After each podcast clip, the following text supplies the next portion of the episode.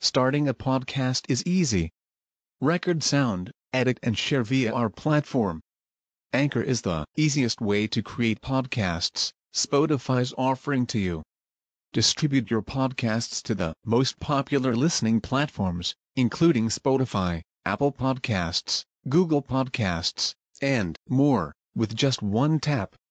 Download the free app to start your podcast with the versatile platform from Anchor. Thank you. Nabi Musa alaihi salam mencari Khadir. Anak-anakku sekalian yang solih dan solihah. Suatu ketika, Nabi Musa alaihi salam berkhutbah di hadapan Bani Israel, yakni kaumnya. Nabi Musa alaihi salam ditanya, Siapakah orang yang paling berilmu? Nabi Musa menjawab, Aku. Kemudian Allah subhanahu wa ta'ala mencelanya karena Nabi Musa alaihi salam tidak menyatakan bahwa ilmu itu berasal dari Allah.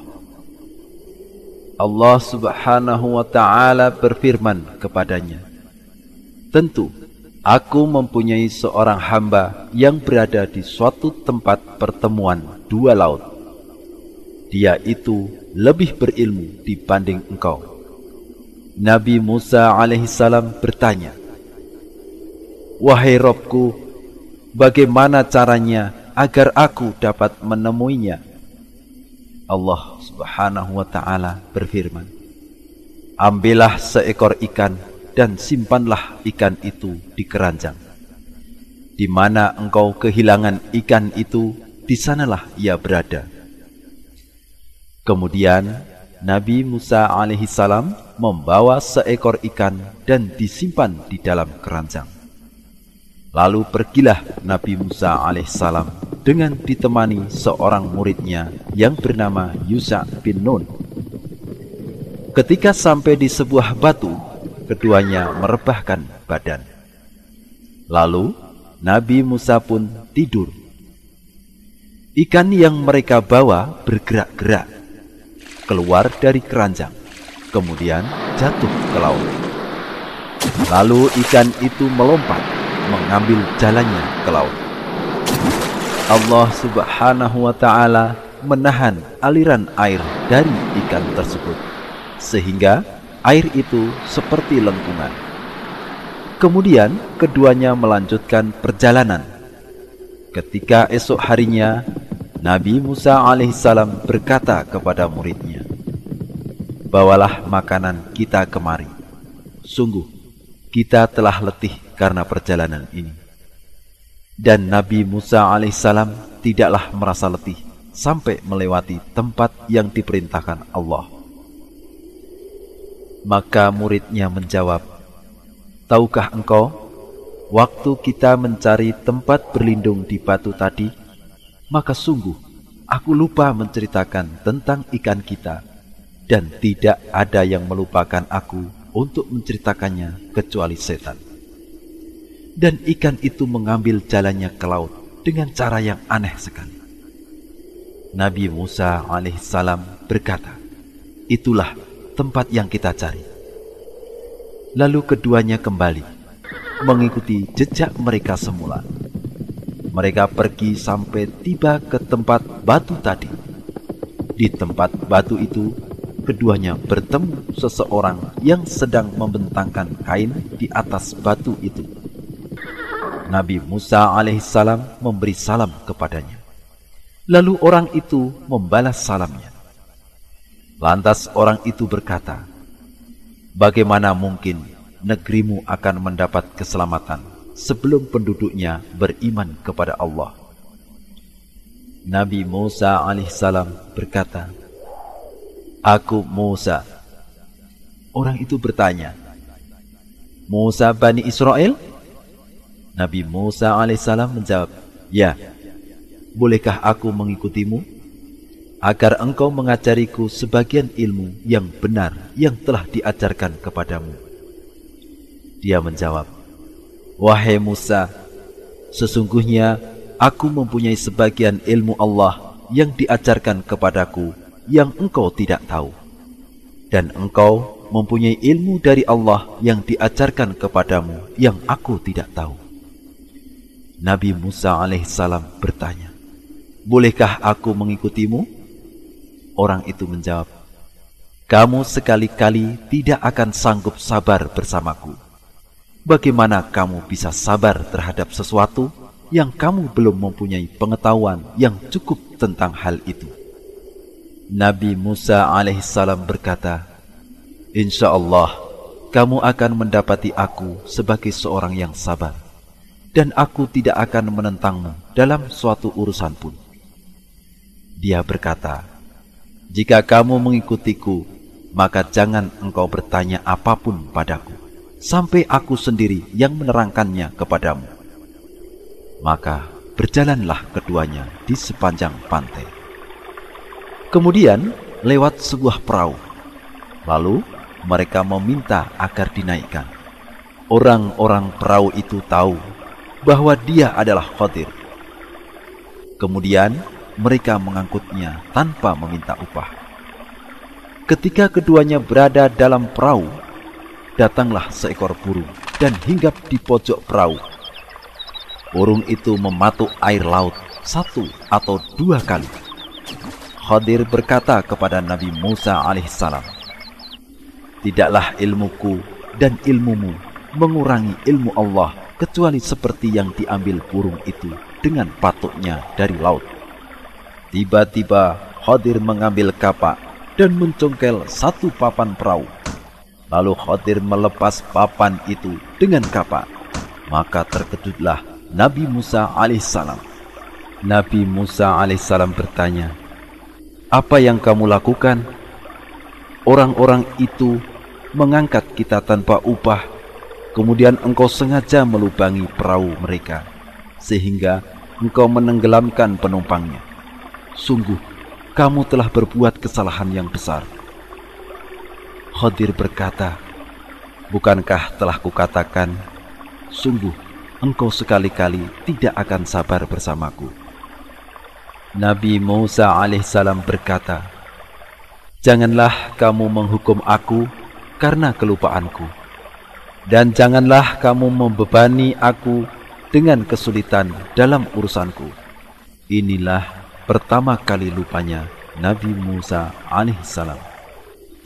Ketika keduanya keluar dari laut, mereka melewati seorang anak kecil bermain dengan anak yang lain. Tiba-tiba Khadir menarik kepalanya dan membunuh anak itu dengan tangannya. Musa alaihissalam berkata kepadanya, Mengapa kamu bunuh jiwa yang bersih? Bukan karena dia membunuh orang lain?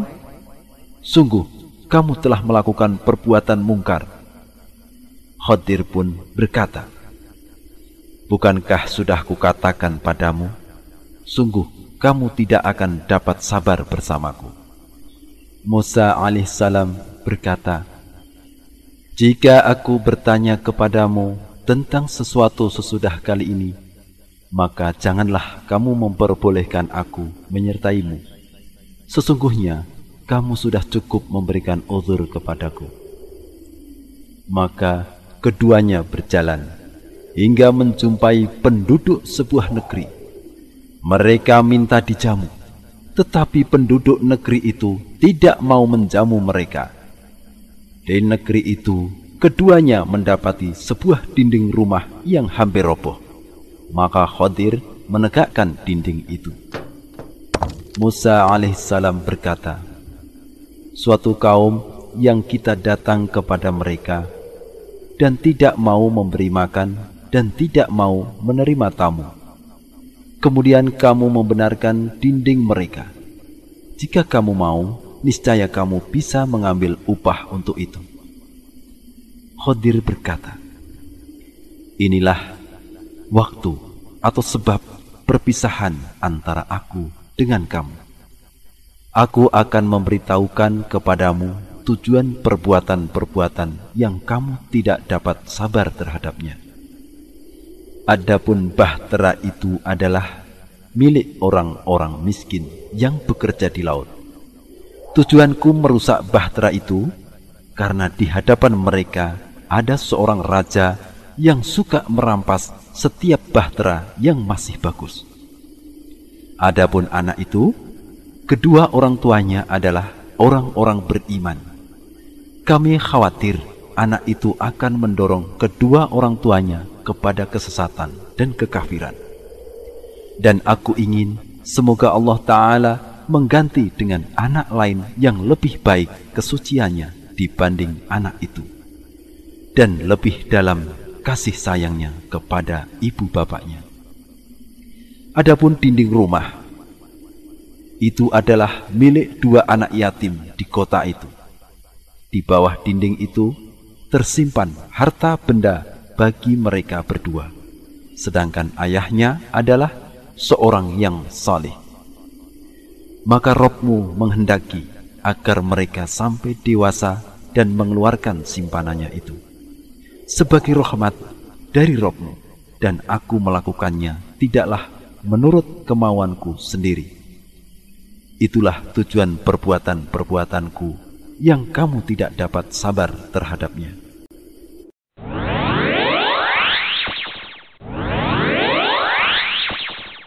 Adik-adikku yang dimuliakan oleh Allah Subhanahu wa taala, setelah tadi kita bersama-sama mendengarkan kisahnya Nabi Musa mencari Khidir.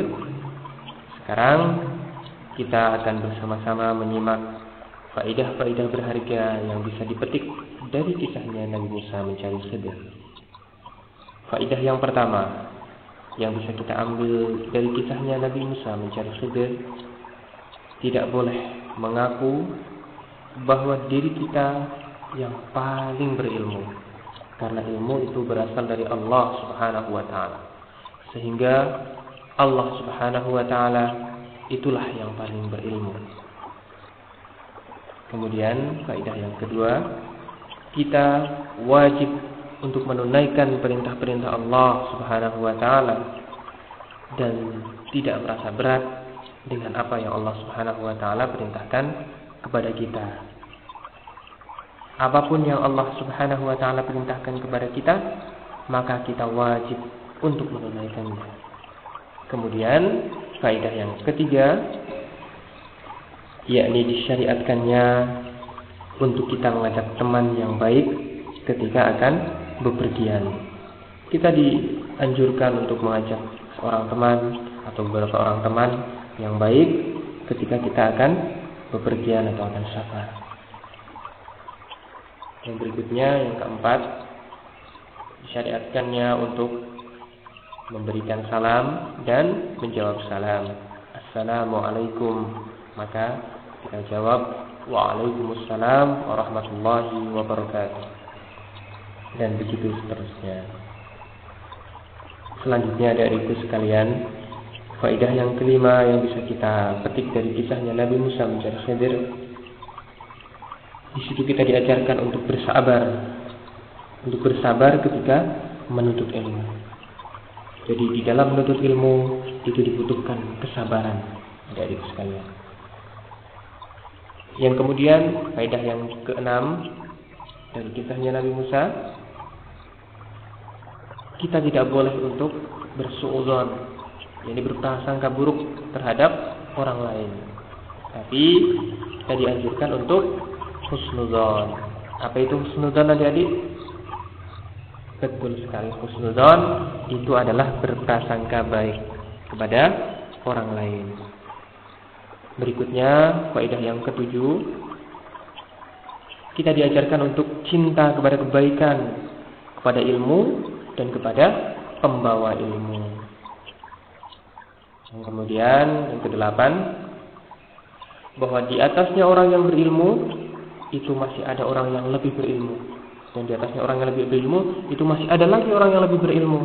Jadi kita tidak boleh menyombongkan dengan ilmu kita.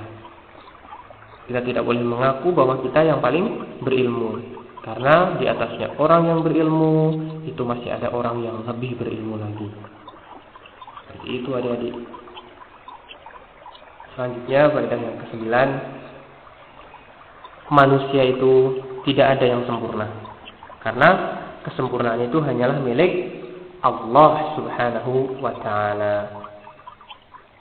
Berikutnya yang ke-10 di dalam kisahnya Nabi Musa mencari Khidir di situ terdapat keutamaan ilmu, keutamaannya para nabi dan keutamaannya pewaris para nabi. Siapa jadi pewaris para nabi? Pewaris para nabi adalah para ulama. Dan di situ pula ada keutamaan di dalam menuntut ilmu dan melakukan perjalanan panjang untuk menuntut ilmu. Jadi di situ banyak sekali faedah-faedah terkait dengan ilmu, yakni keutamaan ilmu, keutamaan para penuntut ilmu, dan keutamaan para nabi, keutamaan para pewaris nabi, yakni para ulama, dan keutamaan melakukan perjalanan panjang atau perjalanan jauh untuk menuntut ilmu. Jadi adik-adik tidak boleh patah semangat untuk menuntut ilmu karena menuntut ilmu memiliki banyak sekali keutamaan adik-adik. Semoga Allah Subhanahu wa taala memudahkan kita semuanya untuk menuntut ilmu. Selanjutnya adik-adikku sekalian yang kakak cintai, faidah yang ke-11 dari kisahnya Nabi Musa mencari Khidir hendaknya seorang penuntut ilmu itu memiliki adab yang baik terhadap gurunya. Seorang penuntut ilmu harus beradab, harus memiliki adab terhadap gurunya. Sebagaimana yang diajarkan Nabi Musa. Berikutnya, faedah yang ke-12. Di sini ada kemuliaan. Kemuliaan akhlak tawadu. Karena Nabi Musa yang lebih mulia daripada Khidir mau belajar kepada Khidir. Ini berarti Nabi Musa memiliki sifat tawaddu dan sifat tawaddu memiliki kemuliaan. Berikutnya dari sekalian, faedah yang ke-13 kita dianjurkan untuk mudah di dalam memaafkan kekhilafan atau kelalaian saudaranya. Kita diajarkan untuk mudah memaafkan saudara-saudara kita, memaafkan keluarga kita, memaafkan teman-teman kita. Selanjutnya dari sekalian, faedah yang ke-14 dan ini faedah yang terakhir yang bisa kita petik dari kisahnya Nabi Musa bahwa Allah Subhanahu wa taala akan menjaga hambanya yang soleh beserta keturunannya. Oleh karena itu, semoga Allah Subhanahu wa taala menjaga kita. Semoga kita termasuk dari hamba-hambanya yang soleh. Amin. Ya Rabbal Alamin. Demikianlah adik-adikku sekalian beberapa faedah yang bisa kita ambil dari kisahnya Nabi Musa mencari khidr.